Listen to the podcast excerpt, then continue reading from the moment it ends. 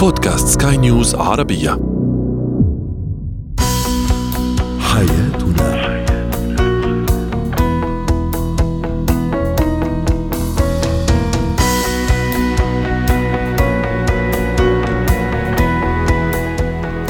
مستمعينا الكرام أهلا بكم معنا إلى حياتنا برنامجكم اليومي الذي يعنى بشؤون الأسرة وبق وباقي الشؤون الحياتية الأخرى والذي يمكنكم الاستماع إليه عبر منصة سكاي نيوز عربية dot com slash podcast وباقي منصات سكاي نيوز العربية الأخرى. شاركونا عبر رقم الواتساب 009 71 561 8 8 6 2 2 3 معي أنا آمال شاب. اليوم نتحدث عن تطفل البعض بعض الأزواج أو الزوجات على آه، هاتف الشريك. ما الذي يقف وراء هذا السلوك من ناحية نفسية طبعا وكيف نتعامل معه؟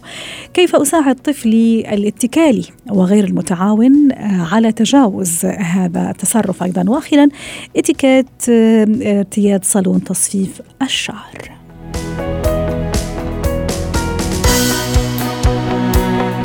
هو وهي.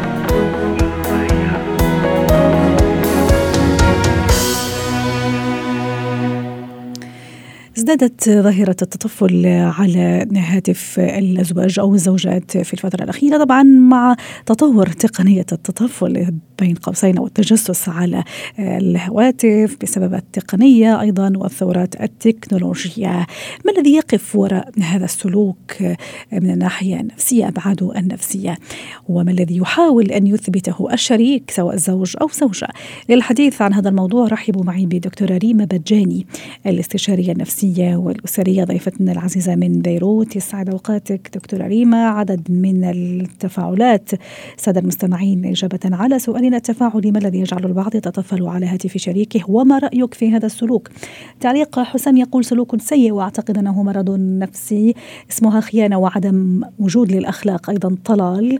آه، آه، تعليق يقول أمر عادي جدا إذا كان على القدر كبير من الثقة في أنفسهم فلم لا إلا إذا كان أحدهم يخفي شيئا ولا يريد الآخر أن آه، يعلم به. هو أيضا تعليق ثاني عبر ورقم الواتساب. بالنسبة للتطفل أنا بعتبرها خيانة ولا يوجد عنده آه، أخلاق ولا أيضا تربية. دكتورة ريما نفسيا سلوكيا ما الذي يجعلني أنا كشريك أو شريكة أتطفل على شريك أو على هاتف عفوا الشريك؟ ما الذي يحاول أن أثبته؟ صحيح. أول شيء مرحبا للجميع. أهلا وسهلا. رح جرب هيك بأول جواب بدي أقول لك اجمع لك نظريتين يلي هي ليش أنا اليوم بوصل إنه أتطفل على هاتف شريكي؟ وين الحل إنه ما بقى أتطفل عليه؟ رح أعطيك إياهم مباشرة اثنيناتهم رح أقول لك ليه. وخاصة أنه البعض يعتبر أنه هاتف الشريك هو الصندوق الأسود لإله يعني بين قوسين. ما هي وهي هي وهي رح بلش فيها. نحن اليوم بعصرنا هلأ مثل ما قلت مع كل هذه التكنولوجيا et tout اليوم الإنسان صار عنده عالم آخر على هذا التليفون. يعني بطلت قصة بس نحن بنستعمله تنحكي مع الأشخاص صار عندنا ال social media صار عندنا ال messages صار عندنا الواتس يعني كل هيدي التقنيات بتخليها عن جد مثل ما استعملت الكلمة هذا الصندوق الأسود بمعنى في يكون عنده حياة ثانية موجودة. زيد عليها مغريات الحياة عدم يمكن الثقة بالنفس أو عدم الساتسفاكشن بتعرف بدنا نحكي عن العلاقات قديش بتقطع العلاقة بأمور معينة. اليوم فيها تؤدي للشريك يكون خايف. وهون إذا بدك أول شغلة ليش نحن؟ بنكون عم نتطفل لأنه نحن اليوم خايفين يكون الشريك عم ينجر لمحل معين أو بدنا نعرف شو عم يعمل أو الشريك هو منغلق على ذاته ما بيخبرنا شو عم يعمل. أو مثل ما حدا من المشاركين قال معقول يكون في شي مرة كان خيانة وبطل فيه هيدي الثقة أو هو الإنسان بحد ذاته عنده نقص معين بمعنى إنه فيه نتفة ثقة مهزوزة منا هي أو هو لو فيها تكون رجل أو امرأة عم يتطفل أو هو ممكن عنده صفة الفضول أو هي عندها صفة الفضول فقط لا أكثر ولا أقل معقولة؟ حتى. حتى الفضول ما لازم توصلني إنه أنا. اليوم شوف تليفون شريكي وهون بشكل اوصل دغري على النقطة الثانية أنا أكيد من الأشخاص يلي بقول لدرجة أمنع مع إنه ما بحق لي أمنع حدا عن شيء بس بقول ما فيكم تتطفلوا. إحنا اليوم أول شيء منا منيحة لنا لهيدا الشخص يلي عم بيراقب. ونحن بنقول المراقبة بتزعج الإنسان وخاصة اليوم فيها تكون عم نطلع بالتليفون في أمور سوبر بريئة ما فيها شيء بس بمخنا لأنه أكيد الإنسان بيمسك هذا التليفون لو بس بمجرد فضول. في أفكار معينة عم بتجربه إنه يعملها وهيدي الأفكار بتلقط كلمة بتلقط خبرية بتلقط geste وبتركبها براسها وبتخلي بتطلع منها نظرية المؤامرة الكبيرة. مشان هيك أنا مش مع الفضول ولا حتى نمسك تليفون الشريك بس أنا مع إنه الشريك يطمن آه، شريكته أو شريكه إنه يكون على علم بالأمور. مش أنا معروفة بقول عني مش نعمل rapport كل يوم يعني مش هو تحقيق آه، بوليس. بس اليوم خبر أو خبرها شو بصير معي بالحياة بحياتي اليومية شو بتعرض. حضرتك عم تشيري لنقطة كثير مهمة أنا ودي كمان أخذ منها. آه، على سيرة يعني يطمن الشريك سواء زوج أو زوجة. مثلا في البعض عنده كذا بعض الحركات تثير الشك والريبة. بمعنى مثلا جواله دائما أو جوالها دائما silent نعم. آه، آه، ممكن يقلبوا على الجهة الثانية مثلا. صحيح. آه، مثلا إذا جاء اتصال ممكن ينسحب كذا بهدوء واحيانا ممكن لا يفزع أو يروح أو تروح لمكان يكون يعني فيه لوحده لا يعمل هذا المكالمة. فهل هذا الأمور تخلي شوية ها الأمور يعني الشريك أو الشريكه شوية ينزعج؟ وبالتالي زي ما تفضلتي الأفكار هذه تروح وتجيبه يمين وشمال. صحيح رح لك شغلة شوي شخصية. أنا تليفوني هو ثلاث الاسيون عنهم. لأنه أنا على طول صايله بتليفوني كرمال الكلينيك. وعلى وفي البعض مثلا يعمل الرقم السري سامحيني الكود مثلا. فوالا. إيه فوالا. هون بدي بلش لك إنه يمكن تنهي بخبريتي أنا إنه مثلا جوزي بيعرف الكود تبعولي بأي معنى. نحن اليوم ما عم نخبي. يعني أنا اليوم إذا انسحبت أخذت التليفون على جنب. يمكن لأنه كمان بشغلتي لازم تكون في privacy أو حطيته silent كل الوقت. مش يعني أنا عم خبي يعني اليوم إذا بدك من الطرفين لازم تنشغل عليها. بس اليوم بنرجع للنقطة الأساسية يلي منها طرحنا هيدي الفكرة إنه كيف نطمن الشريك. اليوم أنا الشريك أول شيء بده يكون هو عنده ثقة. هي على طول برجع لها. إذا أنا اليوم ماني ثابته شو ما عمل الشريك معي رح ضل شك.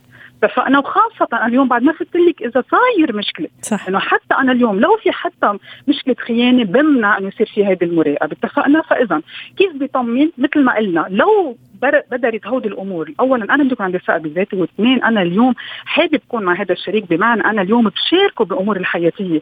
حتى اليوم إذا تعرضت لحيلا شيء بنهارات أنا وبحياتي على التليفون أو حتى يمكن اليوم مش على التليفون ما نحن يمكن نتعرض بالشارع. يعني وين ما نكون بشغلنا كون قادر أعمل هالكوميونيكيشن هيدي التواصل مع شريكي وأقدر أنا يعرف عني كل الأمور. وهون طب دكتورة معلش معلش آه، إذا أنا شفت أو يعني كزوج أو زوجة هالاشياء اللي آه، هلا ذكرناها. يعني كيف حتى يعني أنا ما أعمل هذه الثورة وما أعمل الخطوة ممكن ما يعني ما راح تحل المشكل بس راح تفاقمه أكثر. بالعكس ما راح تحل لي مشكلة راح تعمل لي مشكلة. إذا أنا آه، زوجي مثلا كشفني إني أنا اتصلت على تليفونه أو زوجتي كشفت إني أنا اتصلت على تليفونها.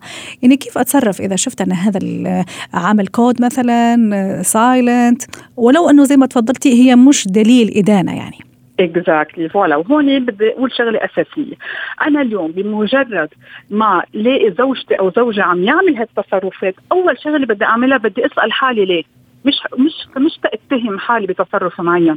أوقات بطريقة يمكن مثل ما قلنا يمكن عم برجع لهي نقطة ال silent أو التليفون مبارمينه أو ناخذ غير محل اتصال. في يكون أمور بريئة بس الزوج أو الزوجه لأنه في تصرفات معينة ربطتهم مع بعضهم وحست في شيء. فاذا اليوم أول شيء بدي أسأل حالي شو هو التصرف يلي خلى شريكي يعمل هذا الشيء؟ مشان هيك ما لازم دغري كمان انتفض وعصب وإلا ما بحق لك أو ما بحق لك و extra اللي أنا بقول لك يمكن بالأساس أنا ما بحب هيدي ال invasion إنه اخترق حريه الشخص الآخر ومش هي اللي بتساعد أصلا. يعني بتعرف مع التقنيه كمان نحن اليوم فينا نمحي فينا نخبي فينا نعمل كثير أشياء. هيك اليوم حتى ثاني شغلة أنا اليوم اشتغل على هذا المنطق إنه ما رح توصلني لمحل بالعكس رح تضرني لإلي نفسيا. وقاعد عم راقب شيء مش موجود صح. بنفس الوقت رح تبعدنا عن بعضنا شو لازم ومنهكة أيضا متعبة دكتورة ريما يعني ترى مش مش بسيطة يعني أنا عم تبع في شيء أحيانا هو موجود أحيانا لا أنا يتهيأ لي تهيؤات وأضل يعني اليوم كله أركض ورا شيء هو مش موجود يعني فمتعب جدا. مش هيك أنا بقول لهم هيدي الإنرجي الطاقة اللي بدنا نستثمرها بشيء ما في منه نتيجة وبالعكس مثل ما قلت يمكن قبل شوي أوقات كلمه وارده بمحادثة هي سوبر بريئة بتكون بتخلي مع شكوك لأنه أنا اليوم يمكن فضول أو شكوك يعني عم نمت الأفكار السلبية رح تنميها أكثر. أنا بقول لهم نموا هيدي الأفكار هيدي ال energy بالأحرى استثمروها بمحلات بتنمي العلاقه يعني أنا قادرة أعمل communication direct بقول له اليوم أنا انزعجت لأنه هيك صار. ليش اليوم حاطط هيك هيك حاطط كود مثلا معنا نعطي على سبيل المثال. ليش قمت رديت برا؟ وما نخلي الأفكار السوداء هي تتلاعب براسنا وهون الشريك مثل ما قلنا يكون واضح بحياته واضح بدون ما يكون عم يعمل تقرير يومي بس فريما وخاصة بأيامنا هلأ. بتعرفي من زمان ما كان هالقد عندهم مشاكل. اليوم العالم كله صار ما بعرف إذا في أقولها شوي الاتيكيت العلاقية هيك صار فيها ضرر ما اكون كثير متشائمة باللي بدي أقوله. سو مشان هيك اليوم واجباتنا نكون عن جد عم نطمن هذا الشريك اللي نحن معه. شكرا لك يا دكتورة ريما بجاني ضيفتنا العزيزة من بيروت. اسعدتينا اليوم بهذه المشاركة. زينة الحياة.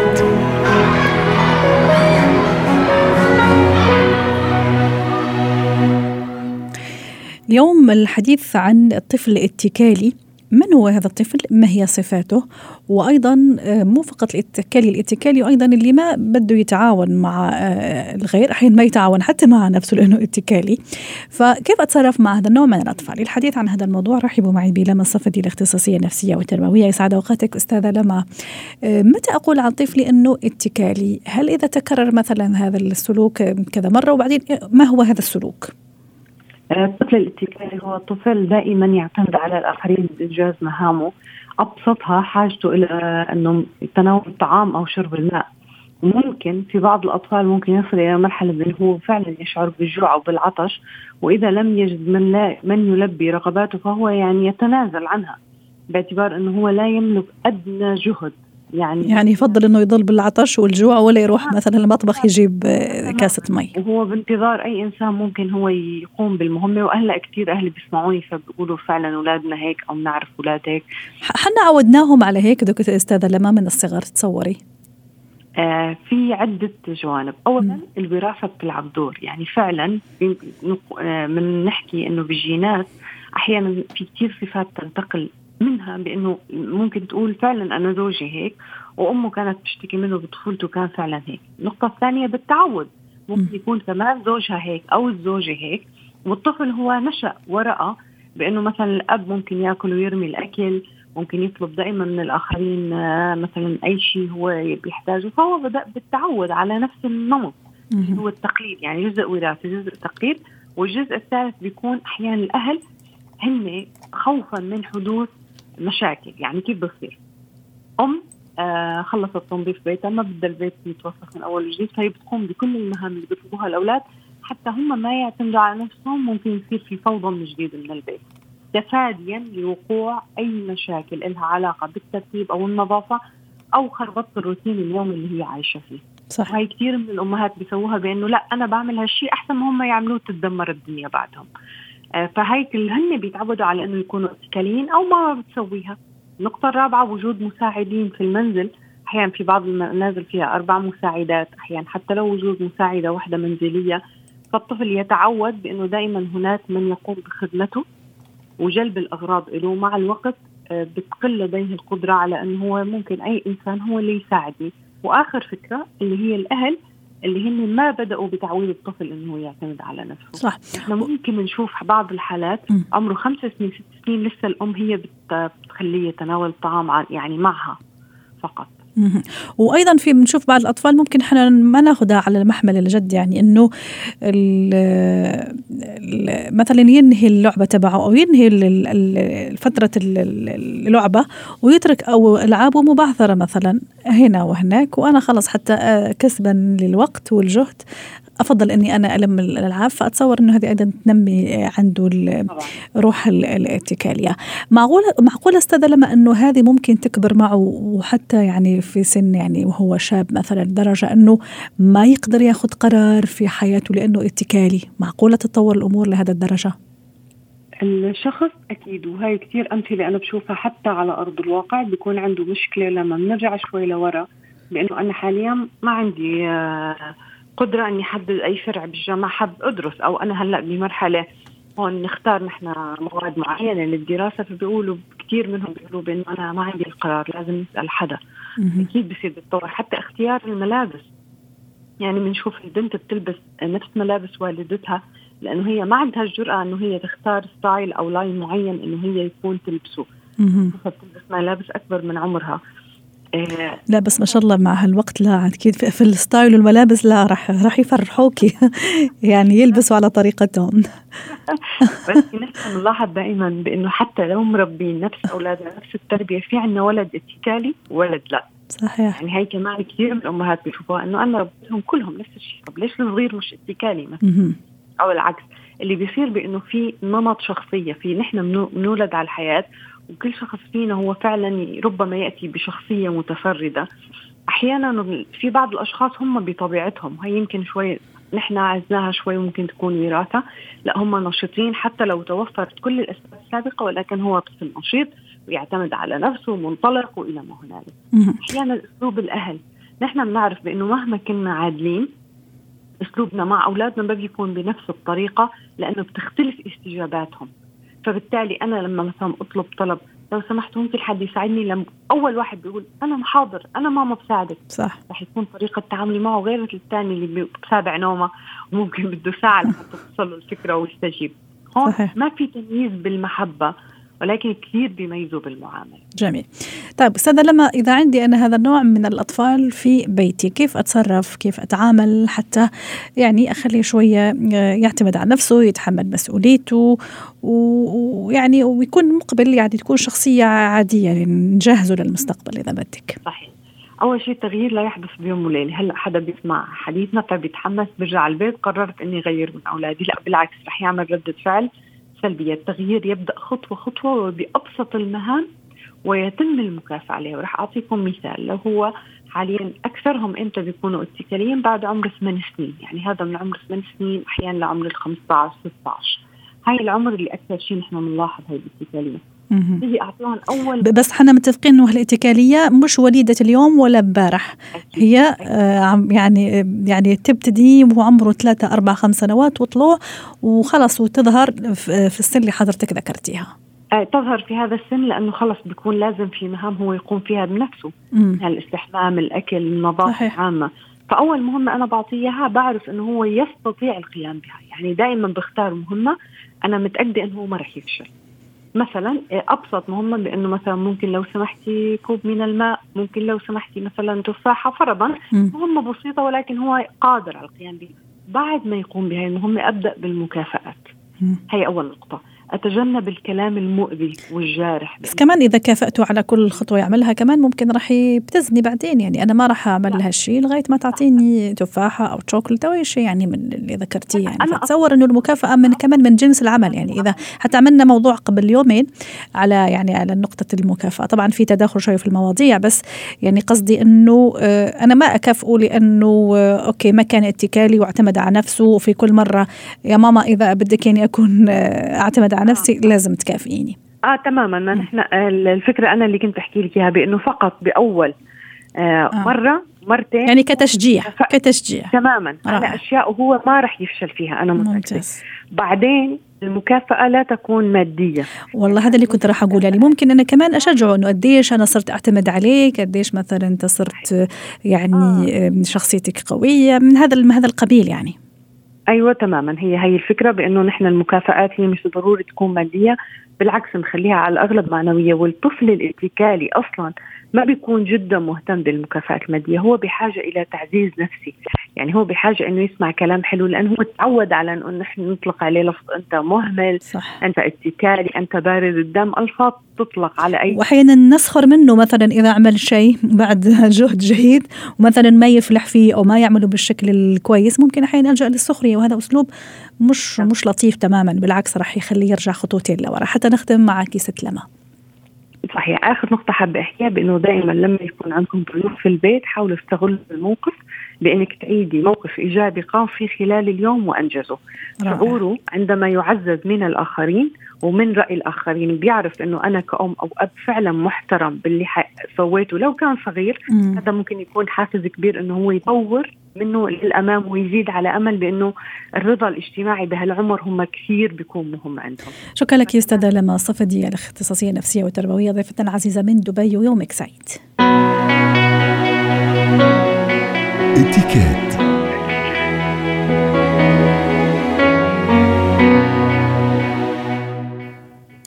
اليوم في اتيكيت نتحدث عن اتيكيت صالون شعر أو تصفيف الشعر اللي أكيد كل الصبايا والبنات وحتى أيضا الرجال يعني يرتدوا هذا النوع من الصالونات.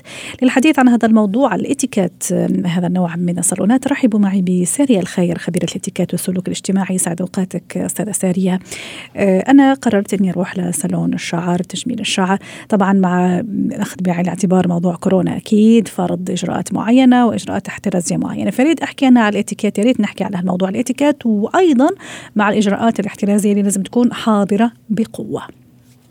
هلا إن شاء الله يا رب نحن كلياتنا بيكون أغلبهم متلقحين وأغلبهم أخذين اللقاح. فإن شاء الله شوي شوي هذه يعني هي اللي مرقنا فيه يروح على خير وسلامة. وإن شاء الله الكورونا ما بتعود يعني من الشغلات اللي لازم نتحدث عنها دائما بالاتيكيت ولكن لازم ناخذ احتياطاتنا نحن قبل ما ندخل لأنه أكيد هن بيكونوا أهل الصالون خايفين على حالهم فما في داعي بالاستهتار. فهي القوانين اللي فارضتها الدولة والقانون اللي فارضه الصالون لازم اتبعه لأنه أنا لما بدخل مكان لازم أحترم القوانين اللي حاطينها. فتبعا لهي القوانين اللي بيتصرفوا ولكن الشيء اللي بدي أحكيه كمان بشكل عام آه بعيدا عن الكورونا الله يبعد عنا جميعا الأمراض هي الابتسامة. والسلام. كثير ضروري حتى لو ما كان الشخص أو الإنسان اللي بتعمل لي شعراتي. يعني مثلا أنا متعودة أعمل شعراتي عند فلانة أو كذا. ما بدخل أنا بقول مرحبا لفلانة بس وبطنش الباقيين. أو مرحبا وينها فلانة؟ تماما. إن الأشخاص اللي بيشتغلوا بهذا المكان هن لهم الحق بالسلام ولهم الحق بالابتسامة لأنه هي من مينيموم تصرفات الشخص الراقي. صحيح. إحنا دائما بنعكس رقينا على التصرفات اللي إحنا بنعملها. الشغلة اللي بدي أقولها حتى لو أنا ابتسمت وهذا هذا ما بيعني إني أنا أفرط المسبحه مثل ما بيقولوا معاهم. لازم يكون حديث حلو ومختصر. هدول بالنهاية منهم أصدقائي الأشخاص اللي عم هن عم يأدوا وظيفة معينة وأنا عم أدي غرض معين من هذا الشيء. فبتعامل مثل ما بتعامل بالإتيكيت المهني أو مثل ما بتعامل بالعمل. هن كلام حلو وراقي وحديث مختصر وبكون واضحة بطلباتي. يعني ما في داعي للخجل. أنا ماني قاعدة بقعده اجتماعية ما في داعي للخجل. please أنا بدي هذا اللون please بدي هذا قصه الشعر please بدي هيك. لأنه ما بحسن لومه بعدين أو لومه إذا هو عم يعمل لي اللون اللي أنا طلبته وما طلع حلو. فأنا وإذا حاولت اغير رأيي فلازم أغير رأيي on the spot مو بعد ما أطلب منه مشان هو أو هي يكون عندها القدر الكافي لحتى تغير. صحيح. واحيانا يحدث إني أنا ما أكون راضية sorry يعني. مثلا أعمل شعري لون زي ما تفضلتي ممكن أي أي من هالخدمات. وما أكون راضية ممكن أحيانا يعني أزعل يعني شوية يعني الواحد يعصب ممكن صوته شوية على فأعطيني كذا الطريقة المناسبة إذا فعلا أنا ما كنت راضية عن الخدمة. أنا ماني راضية عن الخدمة شيء طبيعي إنه ممكن الإنسان يمرق فيها وكلنا مرقنا فيها. هو مثل أي عمل. يعني أنا بقول لو سمحتي أنا ما عجبني هذا اللون ممكن نغيره. ما بقعد يعني أنا للأسف في مرة حضرت خناقة بس. يعني كانت عم تتخانق وأنا ما بدي طيب ليش؟ أنت هلأ بت يعني بتزعزعي قدام الناس صورتك. الإيمج اللي أنت راسمتيها بطريقة حلوة. وما بتعرفي صالونات الحلاقه دائما بيكون فيها عدد كبير من الناس ممكن تعرفي ممكن ما تعرفي ليش لحتى ينقلوا عنك هي الصورة؟ أنا مو عاجبني هاي الخدمة. في عندي حل من اثنين. يا أما إنه هن بيغيروا لي إياه وبيكونوا راضيين وبدهم يرضوني يا أما أنا أوكي بحاول إنه أنا أطلع زعلانة وما أرجع لهذا المحل مرة ثانية. عيب جدا إني أنا أرفع صوتي بمكان وفي شغلة كمان حابة أحكي عنها إنه آه غير إنه طريقة الحديث وهيك إنه إذا أنا عم بحكي حديث على التليفون ما علي صوتي. لأنه في كثير ناس ممكن تسمع حديثي ممكن تسمع شغلات خاصة. تسمع مشاكلي أحيانا. في ناس تسمعي مشاكلهم وانت قدامهم وتسمعي قصصهم وأسماء أولادهم ويعني أشياء كثيرة تسمعيها. شغلات يعني. أنا إذا عم بحكي هذا عم أقول لك دائما بنحافظ على ايمج معين برا. ممكن أنا أحكي كلمة مو مزبوطه ممكن علي صوتي بطريقة صحيح. مو مزبوطه أي اتصال باخذه باخذه أول شيء بستاذن الشخص اللي عم يعمل لي لأنه ممكن يكون عم يسبق أو ممكن يكون عم يتشوي أنا عم أثر على شغله بالنهاية. هو عنده وقت معين. أنا محدد لي ربع ساعة نص ساعة ساعتين ثلاثة. صحيح. ونسينا ما, ما ذكرنا سارية في البداية اللي هو يعني احترام المواعيد ما الواحد يتأخر عن مواعيد وممكن أحيانا أنا أروح ما أخذ موعد مثلا جاني شيء. وضروري أيضا إنه نحترم نحترم الدور ونحترم الناس حتى ما تصير الفوضى في في الصالون. أكيد. كمان في شغلة بحب أقولها يعني دائما نحن بنعطي tip أو بقشيش للشخص اللي ساعدنا هذا كثير لازم يكون ب secret way أو discreetly إنه ما نعطيها قدام العالم ما نحرج الشخص اللي عملنا. كثير ببساطة أو في هلأ الشغلات الحلوة لأنه نحن ما عاد استخدمنا كثير العملات الورقية مشان كورونا وما كورونا. أنا بضيفها على حساب صح. إنه من فضلك ضيفي لها هذا الرقم لهذا الرقم وهذا كثير وبطريقة حلوة وجميلة وراقية يعني. كثير صحيح أنا مع الفكرة صح. وهي تع... وهي تعبير عن إنه هي الخدمة عجبتني فحتى لو زدتي له أو زدتي له هذا الشخص واقف على رجليه أو واقف على رجليها من الصبح ليش لا؟ تعبير عن هالامتنان. سارية أنا أنا عندي كمان موقف ممكن كثير يعني من السيدات ينحطوا فيه تحديدا السيدات. أنا مثلا آه، عندي سن من ال من ال من ال يعني المصففات الشعر أنا اللي أرتاح معها. أحيانا تكون مشغولة مثلا يعطوني بديل. كيف أتصرف؟ هل مثلا عندي الحق إني أقول لا مثلا أستناها لغاية ما تخلص؟ أحيانا مثلا تيجي زميلة ممكن تنحرج. فايش ال إيش ال يعني الاتيكيت؟ حتى نختم ها؟ قبل ما أنت هذا هي قلنا كوني واضحة من قبل ما تبلشي أنا قبل لما بدي دق أحجز الموعد please أنا بدي فلانة تكون معي. لما أنا بجي وبلاقيها مشغولة إذا هي مثلا أوقات شفتي بدي اتاخر الواحد فبكون كل الدور بيتاخر فانه please إذا معك ربع ساعة أنا بنتظرك. إذا إجت شخصية بديلة بقول لها شكرا كثير وأكيد شغلك حلو بس أنا متعودة على فلانة. جميل. لأنه أنا ممكن ما يعجبني شغله فأنا بحترم الشخص اللي قدامي وعادي هاي خدمه بالنهاية عم يقدموا لي إياها. هن مو أصدقائي لحتى احتاجن ولكن فقط الطريقة الأسلوب أنا كثير بشوف تعامل أحيانا والله العظيم ما ما حلو بنوب. يعني أنا كثير بنصح اللي عم يشوفوني please الأشخاص اللي عم يشتغلوا هن ما عم يشتغلوا عنكم ببيوتكم هدول أشخاص لهم عملهم وعم يقدموا لكم. احترامهم واجب مثل احترام أي إنسان على وجه الكوكب شكرا لك ساريه الخير خبيرة الإتيكيت والسلوك الاجتماعي ضيفتنا العزيزة من دبي ويعطيك العافية.